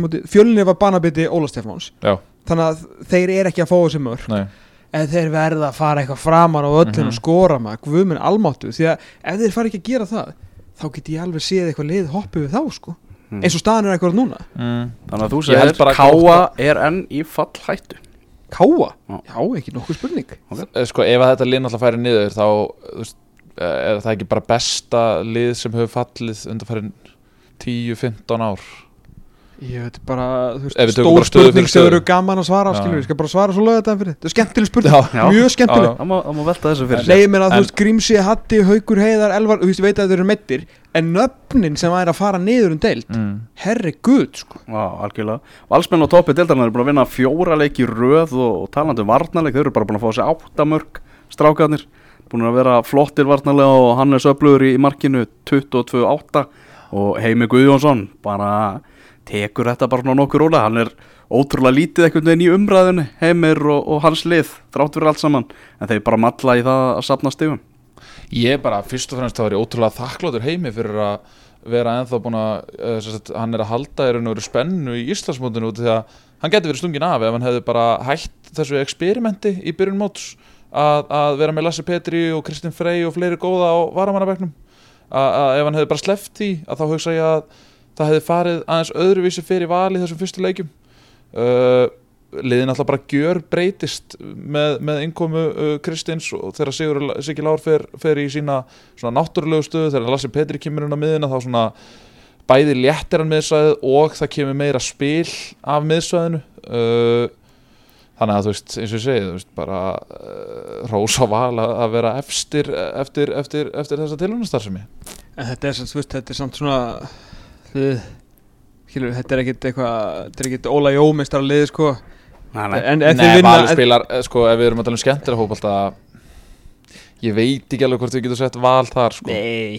Er, er, er þetta ekki líka svo mikið bara einhvern veginn lagfæringar eftir þróttið í, í fyrra sko? Jú, þetta er pottið þá og þetta er er náttúrulega millibils ástand þú veist, millibils ástand að vera á veist, Já, ég segi það, ég meina þetta er bara sama fótboltalið og, og skeita á sig í fyrra. Já, já, Já. Ég meina, þetta er ekki nákvæmlega sömu fótboltakallir Jú. Hannes, Haukur, Birkir Hellund, Kitty, Siggi Ra. Já, Rasmus fyrir ekki Rasmus- Rasmus og, og Magnús Egilson komaðinn Já, ef, við tölum bara um þetta lið sem vann í gær Mm. 10 af 11 voru bara þarna saman í þróttunni í fyrra Akkurat. Þannig að vel gert ég heimann á að snúa því við og, og harkin svona seirum sko, hann er eiginlega bara svo þjálfari sem er minnst talað um í þessar del hann er satt komin Já, aftur já. og er á, er, í, er á topnum, er ekki Já, bara á meira að tala um hann þegar hann var að tapa og hvað finnst það greinlega skemmtilegra sko. Já, en síðan hérna, en Kitty Freyr líka heimi klókur, eitthvað bjóðan í viking og hann fannst, Kitta, hvað fannst það svo mikið niðurlæðing hann Mm. ákvaða bara að setja á sig axlabundin og er ekki búin að skora ykkur meinasta leik síðan hann átt að fara í viking hann og loka degi glukka já, nánast, sko. Hún er geðið vikur sko. Mm. Skagamenn með 30 sigur á móti fylgismönnum það sem það kom flautumark, Tryggverðan Haraldsson úr vítaspilnu á 93. mínútu treyði Skagamennur sigur þar. Uh, Allir Sveit Dóra eins og talar um það bara ég hafa einfallega átt skilið að vinna. Þetta verið slakur leikur hjá, hjá árbáðingum en Já, þetta víti hérna, brotið á tryggvaðar sjálfu um Órið Sveit Stefánsson sem hafði skorað hérna fyrir í leiknum. Hann fær rautspjald réttilega reynir ekki við boltan eins og við erum bara að tala um, mm bara ef þú ert að brjóta að þér og fá þér vítaspilnu og ert bara að reyna við mannin þá, þá er það rautspjald Já, og, og bara vel dæmt og, og góðu sigur hjá skagamunum Já, ennlega Orri mun eiga mig á fæti því að ég spáði þessu leik 2-2 Já. Og, og hérna, það, það, mátt, það, það var grátlega nála því en og hann alltaf gráðlega nált í að græja þetta Já. þannig, sko. hérna, hann, já, Uh, Jói Kalli talaði um einhverja, einhverja núlstillingu við þurftum alltaf svo sannlega á þessum sigur að halda, þeir voru búin að fara í þrjú góð fótboltalið og tapa svona nokkuð samfærandi, allan að fengi á sig 11 mörg í tveimuleikjum mútið vikingi og breiðafleiki og þeir voru alltaf voru eins og, eins og sko alvor út úr hól hann sérstaklega í, í varnarleiknum. Þannig að þeir þurftu svo sannarlega á þessum stígum að halda sko. líka, og var líka karakter í þessum, þú vorum að tala um á lögadaginn uh, hvað hérna, hvað, þú veist, hvernig værið fyrir Jóakall núna að höndla Stefán Teit og Tryggvarafn Mhm. og hvað er hausin á þeim, þú veist, vitandi hvert þeir eru að fara á, á næstu leikti og ég held að þeir hafa bara gert ágætlega í að í að svara þessu, ég meina Stefán Teitur uh, skorar í þessu leik, uh, Tryggvi skorar uh, flautu viti Mhm. báður áttu bara fína leik og, og ná bara í alvöru djöfisins skæja karakter sigur, veist, í uppbóta tíma bara vel gert, sko. Já, nú verður spennandi svolítið að sjá líka með fylki sem að náðu þannig rosalega flugi mm. uh, með því að spila við fjölni gróttu KAFA uh, þeir spila við stjörnuna næst og svo eiga þeir fjölni gróttu KFO ah, þannig að þú veist, uh, þetta er svona uh, að vísu eiga þeir gróttu og KA úti og fjölni og FO heima uh, stjörnuna líka heima. Uh, ég veldi fyrir mig hvort að fylgir séu bara búnir að toppa. Og séu bara svona þú veist, að koma sér á svona í eitthvað fylgissæti, svona áttundasæti eða eitthvað svo Þetta var bara miðjumóð slagur þessi slagur í á Já. fylki sko. Já, já, og bara skemmtilegur miðjum á slagur Já. Fimm mörg og mikið stuð og, og svo náttúrulega Já, Jói Kalli þarf nánast að búa til svolítið nýtt skagalið á næsta tímabili og finna nýjar hetjur og Hjörvar Haflega svona að segja frá því á Twitter að það sé búið að ganga frá því að Guðmundur Tyrfingsson sé á leið til skagamanna frá, frá selfisingum mínibössin? Já, ég hef 2003 bara ekki séð nægilega mikið ámvonum til þess að vita hvort að það sé eitthvað en, en, en er ekki frekar skrítið samt að mjög spennandi leikmaður já, en er ekki frekar skrítið samt að, að skæin sé að sækja mikið að leikmennum, ég meina hver eru þessi leikmenn sem að örðu Íslandsmeistarar að ég held tvö ári í röð? Tvöru uh, og, og áttu, gerði ágætis móti í að þetta er biti skilur veist, Þetta er strákur sem er mjög spennandi sko. Já, en ég meina en, en, en, en þú veist og þetta reynir að ná í það já, já, já, já, en, en, en hver er þá stefnan? Ég meina, þú veist, það hefur verið hingað til að leifa ungu leikmennum að fá tækifæri en núna er verið að senda leikmenn á, á lán í, í, í önnu lið, það hefur verið að senda leikmenn á lán í, í afturheldingu og, Er ekki og, breyðablik með stærstu akademi í Íslandu en er búin að hérna, sópa upp Mósusbænum Mér vil ekki menn bara fá góða unga leikmenn? Já, nákvæmlega Jú, jú, svo, ég, með, ég, þú veist, jú, jú, það er ágætis pæling líka. Það er bara, en ég meina, en það er kannski meira að koma upp heldur en raunin hjá skaganum. Breyðablikan alltaf með flesta upphalda leikmenn í deildinni. Mm. Já, okkur er það að ná í leikmenn annar staðar? Ætla þessi ekki trú að þessi leikmenn getur slegið þá leikmenn sem eru í byrjulegðin út? Það ekki var sama með Guðmund Tyrfusson Jú, ef hann er komin þangað ef hann getur tekið stökki úr annar deildinni og Er ekki samt svo, hvað er hann ungur? 2004 eða? 2003 2003 mm. En Já. er bæntalega bara þú veist, en- bitið til framtíðar, ég held að Guðmundur Tyrfingsson að kemur verulega óvart að hann kemur í Pepsi Max deildina 2021 og myndi bara eitthvað slá í gegn eins og stuðmenn sko. Hann er sko í annar deildinni hjá selfisingum Já, við, við róum okkur sem eru líka sko. bara sælfisíkar eru bara Já. lala Já, bara vonbriði Já. eftir vonbriði eftir vonbriði hvert Já. tímabil hjá þeim En Þetta sko. er bara, í raun og veru er þetta ekki bara nýja heimsmyndin sem við erum að sjá á Íslandi þú veist að hérna, það engin, á, á engin pening til að ná í, í leikmenn sem þú þarfst að bæða borga peninga, íbúð, bíl og matakort Mhm. og þá er auðveldar að hafa gumma litla á rútunni bara, þú veist, búandi heima þú veist, þetta er bara öllu svo sem svolítið meira að reyna þetta og vona og bara bæta við fleiri ungu leikmennu sko. Mhm. en ég get alveg tekið undir það að það eru öruglega einhverjir fóreldrar upp á skaga sem að svona já, er að hugsa það saman og þú sko. já, en aftur á móti held ég að sé líka einhverjir fóreldrar í Kópói sem er að hugsa það saman og fóreldrarn á skaganum já, það er mjög líklegt nákvæmlega Erum við ætlum að næsta að uh, fara Góða fórhaldandi. Já, erfitt, Þetta það er er gott fólk almennt en það er erfitt Það er svo fyndi leik, það er svo erfitt að fara í Gunni Giskar, það er svo fyndi leikjaprógrami í þessar deild, það Já. er bara að spila eitthvað umferðir hér og þar og Og svo alls náttúrulega, staðar. Svo náttúrulega Evrópuverkefnin að koma inn núna, þannig að sumliðin eru bara komin einhver starf út í heim, munið þegar hérna var dreigið stundum í Európa-kefnir og þú veist, íslensku liðin mættu bara einhverju liðum svo spiluðu þau tvisásnum þú veist, einu sinni á Íslandi og einu sinni í útlandi og þú veist, það voru áhörundur og þú veist, liðin komu bara fólk, þú veist, skilur liðin að utan, Já. þau flugu með flugvél til Íslands og æfðu og svona og spiluðu fótballtaleikin og Mm. viku setna fór íslenska liðið til útlanda lendi og æfði og borðaði og hafði gaman og svona skilur Mm. og kannski stjórnamenn fengur sér púpa og eitthvað og allt er góð það, those for the days my friend sko. nú eru einu fréttirnar hvort að káringa fari í smitgátt Olimpía ljúk Sko. lana má ekki æfa fótbolta einn leikur, tjöfell þetta leðilegt Fórsættislega að skamma skotana. fyrstir á þeirra Já, Ha, skamma skotana fyrir hvað?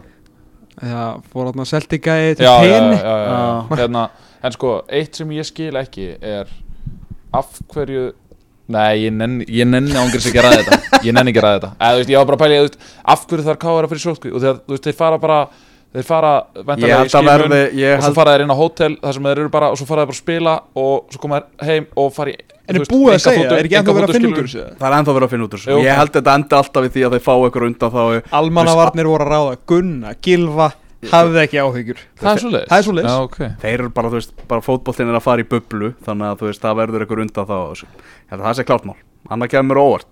En Gunni Giskar næstu leikir í, bara, svo við klárum þessu umræðu Mm. Eh, sko hversu lengi hv- hver eru þólmörkin fyrir félög að missa af umferðum heimaleikjum í, í tekju innkomu, hver eru þólmörkin það hljóta að vera einhver þólmörk hvað græðir hvað Ertu að meina bara heimaleiki hvað í Pepsi Max? já, já, já, hvað græðir fylgir á því að Pepsi-deildin fara á stað ég meina, þú veist, þeir eru ekki að fyrir Evrópu baráttu uh, þeir eru ekki að fá sjónvars, þú veist, sjónvarstekjur eru Ég ekki til þess að ég tala um nenni ekki að fara að tala um rauk fyrir því að við ættum að hætta að spila fótbolta sko.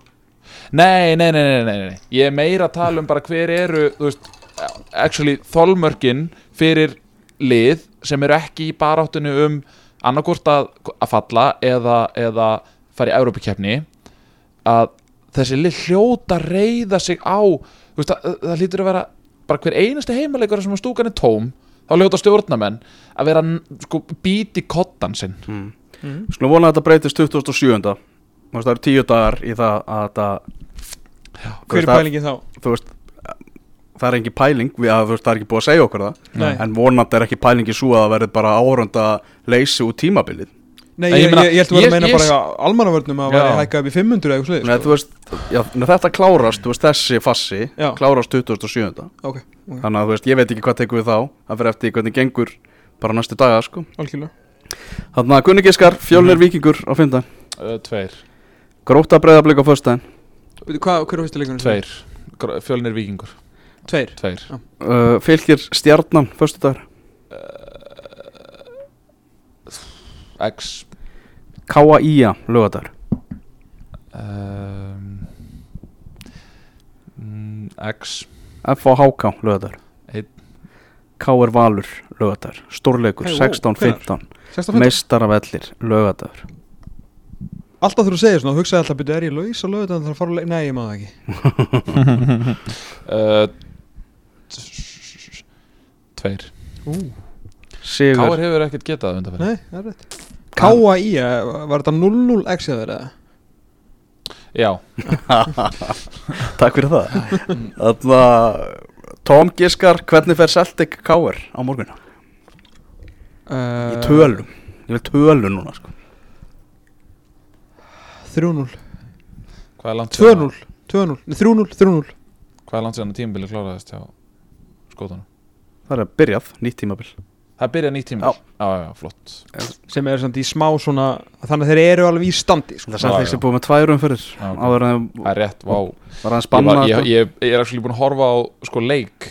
Ég horfði á Saint Mirren leik um daginn. Þannig að Herðu við skulum kíkja það næst á uh, lengju deildar hotnið, renna yfir leikina sem voru í síðustu umferð þar. Og náttúrulega svakalegu leikur í sambamirinni fram fjögur, var fjögur, átta marka jafntefli, eigamenn haldi áfram að gera mikið af jafnteflum, búin að gera fjögur jafntefli síðustu fimm leikjum, eru samt sem aður um, eru, í ní, eru með 19 stig, eru í þriðja sæti deildarinnar, þetta var hörku skemmtilegu leikur og, og hengdur upp borði hann á stuðnismunum fram sem að vilja halda Fred sem hefur verið að orða við liði í, í Pepsi Max deildinni. Svolítið mikið verið að sækja leikmenn úr, úr lengjudeildinu núna. Það Já, er bara eini, eini kosturinn. Já, já, nánast eini kosturinn. Já, nema að þú vilt fara í aðra deildina. Já. Vissulega. En náttúrulega svekkjandi fyrir eigamenn sem eru fjögur tvö yfir í þessum leik þegar það er, verður bara 20 mínútur eftir að, af leiknum uh, Já, já, já Eigamenn höfðu fullt að tækifærum bara til þess að slúta þessu leik en ég ég er ekkert eitthvað þú veist mann alltaf held fyrirfram þú veist, skoðandi leikmennina og papíra og annað að þetta er þið létt fyrir eigamenn en þeir hafa ekki heila mig í þeim leikin sem ég hef síð allavega, þú veist, ég er búin að sjá þrjá, þrjá heila leiki með þeim Mm. og það svona, hefur allt verið eitthvað svona voðadjús hark, er hark út stiga múti eftiröldingu og, og svo þetta og, og það er svona, þú veist voru ekki spesa múti Grindavík og þannig að þú veist, kostið þrjú um ándi vestra. Já, einmitt. Lítur mjög illa út þar Já. í vartanleiknum kostið fjögur núna mútið fram. Mhm. þetta er, uh, já, þetta er ekki alveg liði sem að maður held að myndi stímróla yfir þessa deild. Mhm. Uh, Það var markvæðast jafntefli í Mósinsbænum í sjómasleiknum Stötu sport valdi afturöldingu Vestra sem hann endaði 0-0 uh, Vestramenn lítið í flugöldasýningunum eru með 9-12 í, í markatölunni, massífur undir stjórn Bjarnar Jó 3, Það er bara 3, 3, svipað. 12 stig Já, geggjaður 12 stig, ég menna þú 12 veist stig, sko, Hann er þú allavega að skila punktum sko, hann er en káamenn til dæmis emitt. Þú veist, og þeir hafa komið í öllum, öllum regnbóðans litum sko. enda, enda, þú veist, og svo getur hann hlaðið í eitt svona þrjú þrjúleik sko. Mhm. þú veist Málið er að Bjarni hefur séð þetta allt saman áður já, já, Nokkru Já, sinnum sko. sinnum Ég hérna tók mér smá hlið á skrifstofun í dag og lagði, fekk mér sætt í sófanum og horfði á lokakaplan í leik leiknis fóskursfyrðu og grinda Heru, ég, ég takk. gerði nú enn betur það, ég horfði á hann sko, ég elska að horfa á leiki á YouTube Mm. þar get ég ráðið spólinu svo mikið sjálfur að þegar ég sá þetta bara gerast á lögðaðin þá bara fór ég beint á leiknir hérna Fosk TV, er ekki þeir með þetta? Jú. Já, mm. og hérna kíkti á þetta því líka endur með stjöfisins villisann maður. Ég, ég, sko 95% ástæðinu fyrir því ég mætti hinga var til þess að ræða þannig leik sko. bara 90, ángrín sko. Eða sko, ég fó hérna, Þetta, þetta er bara ég, algjör bil eða sko ég, ég, fó, ég fór í smá heimaðinu uh, markatalan síðustu tíu minnunar hjá Grindavík Mm. á þessu tímili, þrjú átta. Töpu stig, átta síðustu tíu minnunar, ég bara taka síðustu tíu minnunar Já, þú getur færa lengra aftur það sko, ég væri til að heyra bara 20, síðustu 20, 30 sko. töpu stig, átta. Þar af, sko, og tvö rauðspjöld síðustu tíu minnunar líka. Mm. uh, þeir eru nýju stigum frá topnum núna. Ég heyrði ég ætla ekki að fullera þetta en ég heyrði af uh, hlaupatesti þar sem að já, úrslitunum var nánast þau voru nánast bara skilin eftir þar sem að testi var tekið og, og kveikt í, í blaðinu og, og öllu, öllum gögnum sem að tengjast þessu hlaupatesti. Því Það að það niðurstaðan- Rakstóst hérna, þólprófið hérna márið Já, þegar, að því að niðurstaðan var, var, var hræðileg. Shit. uh, enn og aftur, ég, ég er ekki að fulla þetta er eitthvað sem ég heyri.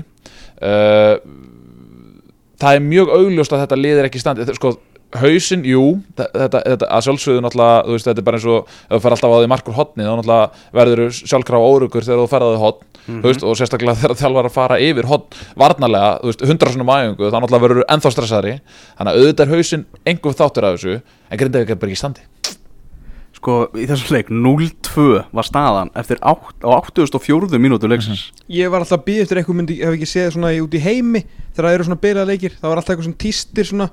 að staðan 0-2 á þessu mínútu og svo mörkin ákvæða mínútun mm. ég skil ekki að hverju enginn nýttist sér ekki tækifæri Af hverju gerður það ekki sjálfur? Æ, ég veit ekki, ég var, svo, ég var að horfa á svona þrjá leiki í einu, ég hef ekki tími í svona bull. Ah, uh, Sko, uh, þessi leikur, algjör trun hjá Greitavík uh, ekki í fyrsta sinn. Ekki í fyrsta sinn, háréttuðar, eins og segir. Hvað var það, 0-2 þegar það voru 6 minnur eftir að vennu leiktíma. Já. Þeir tapa 4-3 fyrir leikni fáskúsfyrði með fullir vinningu, þeir eru búin að vera endar miklu betur en við heldum uh, Þeir eru að vinna Magna að fá þessu mark þar á 89. mínútu uh, Enda með jafntefli gegn slagastaliði deildarinnar Þeir uh, Afturölding dominera fyrirháleikina mútið afturhaldingu Mhm. komast í 2-1 nei, dominera, eru að dominera leikin þeir komast í 2-1 á móti afturhaldingu leik sem ég og Elo vorum á voru miklu betri Mhm. í þeim leik komast í 2-1, svo bara, þetta er fínt nú ætlum við að leifa ykkur hérna að sækja leiðum sprækum og sprækum bara góðum mósveldingum Mhm. að sækja okkur í 20 minnur fengur nákvæmlega sáttu skilu þar, eitt stig.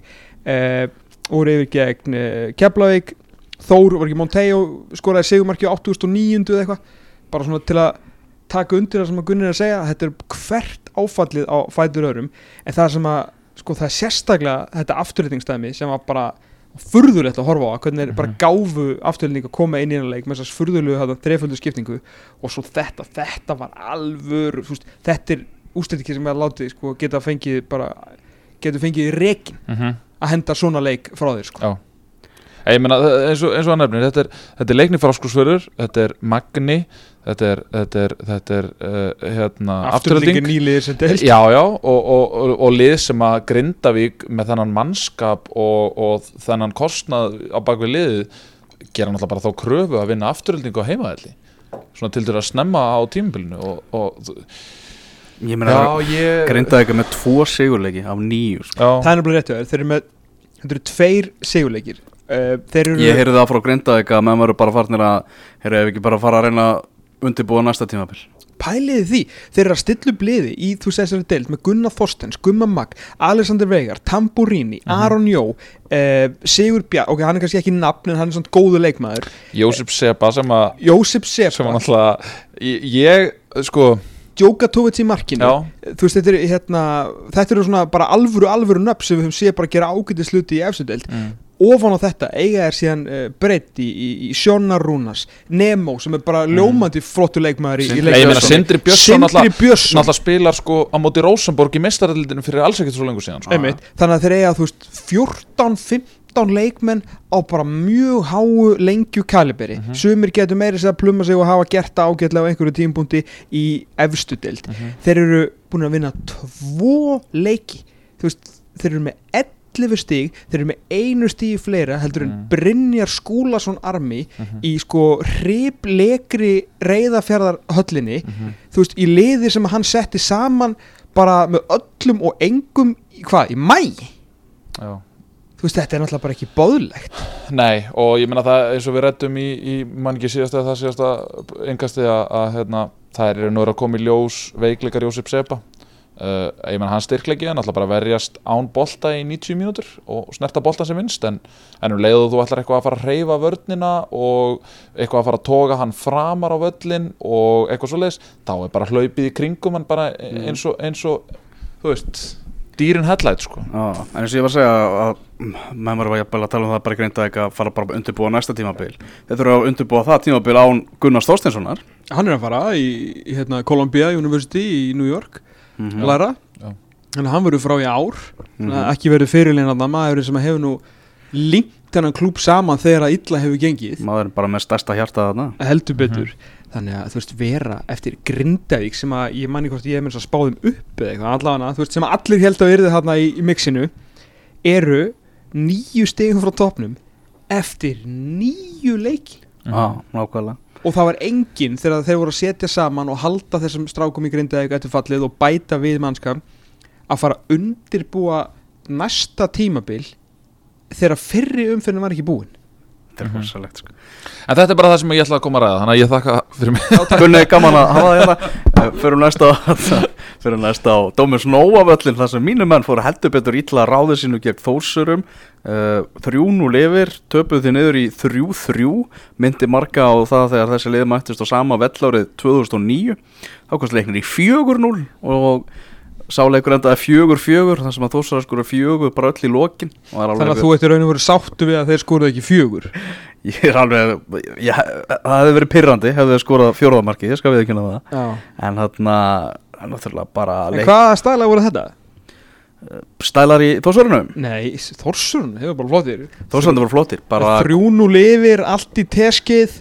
Já, menn róttin eitthvað góða með sig það? já Það er svona Það hefur svolítið verið að loða við leiknisliðið að, að þeirra erfiðasta staða Verið stöðra svolítið að komast í 3-0 Há verðast menn svolítið Slaka, slaka ómikið á Og, og mörki náttúrulega frekar ódýr menna sjálfsmark hérna, sp- sprelli sjálfsmark og svona og þetta var bara náttúrulega vantaði Alvaro Montejo í, í þórslið þannig að það var það voru svektir leiknismenn sem að yfirgáfu þennan leik. Virtist alltaf að vera bara algjört formsatri þegar Máni Austmann kom liðun í, í 3-0 eftir að Vúka við skorað skorað tvíveis en á endanum náðu Þósarar að jafna Sigur Marino sem að skoraði úr vítaspilnu jöfnun á marki 3-3 sem eruðu, eruðu lokatölur í bara fáralega, fáralega skemmtilegum fótballtaleik eins og er En flottu gardir hjá Þórsarunum, ég meina Já. þrjúnul undir á, á Dómus Nova, leiknir búin að vinna fjóra leiki röð, bara svona, bara pund fyrir pund, besta liði deildinni þegar þessi lið mættust, akkurat Mhm. þá sko, að hérna, koma tilbaka og, og ná í þessi stegin líka mikilvæg eftir hérna náttúrulega raskellina móti, móti fram um, um daginn sko, og þannig að þeir verðast alltaf að vera kannski svona svolítið upp og niður, jafnvel meðal annars bara eftir, eftir hálfleikum Þórsararnir en hérna en, ja, frekar, frekar daburt hjá, hjá leiknismönnum að henda 3-0 frá sér í hálfleik á móti, á móti Þór sko, það verður nú að segjast.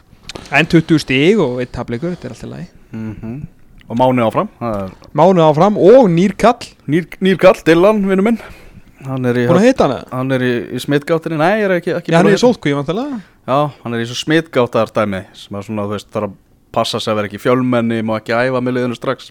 Já, en Ok. okay. ég held að hann veri mættur á æfingu á 50 dag ok, getur hann eitthvað? Ég veit það ekki, kemur kannski í ljós bara. Nei, þetta er alltaf, þetta á að vera mjög svo öflugur hollenskur kampmaður 22 ára gammal, 98 mótil Ok. Þannig að það vantar ekki breyttina hann fram á við allavega. Uh, Mér finnst til dæmis sko bæði þessi lið kannski ekki þór en, en leiknir finnst mér skemmtilegra lið heldur en íbjöf til dæmis. Sammála. Og Keflavík ég er nú ekki bara að segja það því að leiknismæður nummer eitt er hérna sko veist en, en bara, eh, ég veit ekki, mér finnst bara hugmyndafræðin og, og svona einhvern veginn leikleiðin og, og, og, og upplegið, mér finnst allt vega þingra hjá leiknismænum heldur en, heldur en íbjöf Keflingingar nýttu sér það að, að leiknismenn mistiðu sig hérna eftir að hafa verið góður stöðum út í tósurum því á sama tíma þá rulluðu þeir yfir magna fjögur eitt endu leikar þar og Keflavík er komið á uh, topp deildarinnar. Joey Gibbs, hann uh, setti þrennu í þessu leik. Heldur betur að reynast vel og markahæstur í, í deildinni búin að gera nýjan samning við Keflinginga sagði viðtalið þarna við Sverri að hann væri bara að hugsa um að, að, að, að bara væri í huga hans núna að spila í efstu deild með, með Keflavík. Uh, Gaur sem á skemmtilegan feril að baki og viðtal við hann sem að koma inn á fótbolta.net í dag sem að ég bara mæli algjörlega með. Joey, Joey Gibbs markaðistur með 11 mörgar í Martin með 9 En ég meina, hann, hann verður vendalega í efstu deild á næsta ári saman hvort að það verður með Keflavík eða ekki þó hann sé með nýjan samning það kaupir hann einhverju Já, ekki útlöka gömlugu klásóluna Nei, maður mitt. verði eitthvað frýri eða eitthvað hann kemst ekki upp sko. Já, þannig að, þannig að þú veist það er er þetta ekki hann uh, Gumi Tyrfings og, og Siggi Siggi Bond sem eru svona kannski eftirsóttastu bitarnir í næri deildunum Það lítur einhver, ég menna F.O. lítur að kippa Sigga Bondi yfir bara aftur maður veit ekki hvað gerist í þessu bolta. Svílíku kongur, hann er þrótt vóum á öxlunum á sig sko. Þróttur með sigur í Ólasík Víkingur Ólasík 1, Þróttur 2 fyrsti sigur þróttara í, í rúmlega ári í Það kom að Íslandsmótinu því maður, til hamingi með það. Það er komið að því, þeir eru nú bara lífsnauðsynlegu sigur fyrir þróttara fyrir um daginn, þróttara vann leikni bókskursfyrði þannig að þróttarar halda sem núna eru 5 stigum frá örugusæti 5 stigum frá Ólsurum en þessi sigur bara verðskuldaður hjá, hjá þrótti í þessum leik og fullt af góðum punktur sem geta tekið úr þessum meðal annars að, að Díón kom inn á hann er, hann er mættur loksins Já, Í deildina. og, og SSU skoraði og Oliver Heiðarsson, hann er ekki þannig slæðin skoraði tvö mörk í, í sama fótbollaleiknum og vinna þrjú stig sem þeir svo sannarlega þurfti á að halda. Og þeir ætla að bæta vissi í klukkanum þróttarar. Já, þeir eru samt fallnir sko. Eru þeir fallið? Já. Sko ef þeir hefði ekki unnið þennan leik væri fallir Já, þessi bóttbátt er búinn. Þetta er bara einhvern veginn uh, þú trú á- Víkingar Olsonum, Ha? hefur trú á Olsonum? Það er mikla trú að Já, þeir ég- aftur ofan þrótt. Já, já, já, sko bara af því að þeir hafa meiri, upp á meiri einstaklingsgæði að bjóða heldur en Já, Ég sammála því, þú horfum bara á liðin sem að spila hennar leik, Já. hann alltaf meikar ekkit sens á pappirunum að þeir hafa tapað þessu. En ég meina, eiga Olsar eftir að þurfa að býti það súra með þessa þjálfarráningu sína? Var þetta, var þetta það vond að þeir getur bara verið áfram í, í fallbortinni Úslitin hafa ekki verið glæsileg eftir að Gauði Þórað kom Sama hvað hann hérna, já, hefur kunnaði gegnum tíðina. Mm.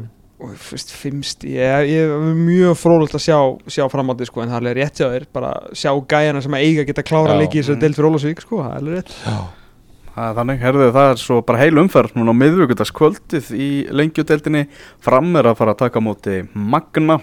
Um, Leiknir heimsækir Ólisvöllin fer og kemur á móti Vestra Keflavík mætir Víking Ólasvík Þór mætir Leiknir Fáskursferði IBVF og Afturelding eigast við svakalegu leikur á Hásteinsvelli og Þróttur Grindavík. Þarf afturölding að fara í þessa sótkví Þetta er að koma frá eigum Já, ég reikna fastlega með því. Ég, ég meina, það lítur að vera, þetta lítur að vera há áhættusvæði vestmanniðar það, það hafa komið svona tvær alvöru bylgjur sem að bara gjör fella eiguna sko. Þú veist að meina rauði listin á Íslandi Já, er sérst, hvað, Noregur, Danmörk, Þískaland, Og Azerbaijan og Vestmann vestmanniðar Já. En það var svolítið engin, þar til þú sagði þróttu grindavík þá hérna, var engin eitthvað svona negla í svona umferð Þannig. Nei, Nei, En það er aldrei að vita, má ég standa á svona stutt að fara náttúrulega í lögadalinn sko mhm. Tekum mig enga stund að bruna þarna á, á rammarslöfu hólunu Má ég standa svona eins og stjórnumenninni bara fyrir utan eða? sko Koma bara með stilla saman. Það er Já. svona, fyndi hvað þetta var ef við tökum aðeins þessu umræðu að ég veit um mannesku og sem var rekin uh, hún var rekin úr skóginum fyrir aftan vikingsvöllin Nei! Jú, þar kom bara einhver vikingur og saði henni að hypja sig En betur var hún utan vallarsvæðis þessi manneskja? Já. Af, ge- Getur þá þessi aðalir ekki hann í burtu?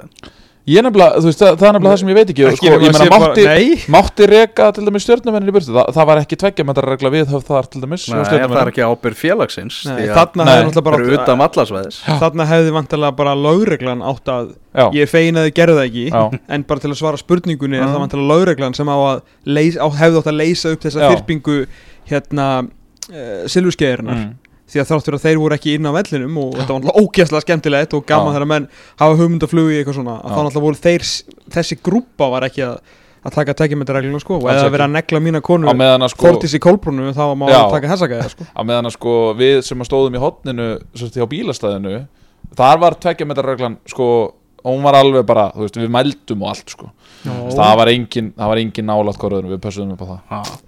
Þarna þróttur Grindavík Ég sko sá lungan úr, úr fyrri viðrökk þessara liða sem Grindavík vann 1-0 og Mm. þetta fáum stöðu sem Grindavík hefur fengið í þessum leik Nei, þessu tímabili það var þessi 1-0 sigur þar sem að þróttarar fengu raukt spjald sem var bara rángur dómur Guðmundur Friðriksson sem fekk, fekk að líta rauðarspjaldið mm.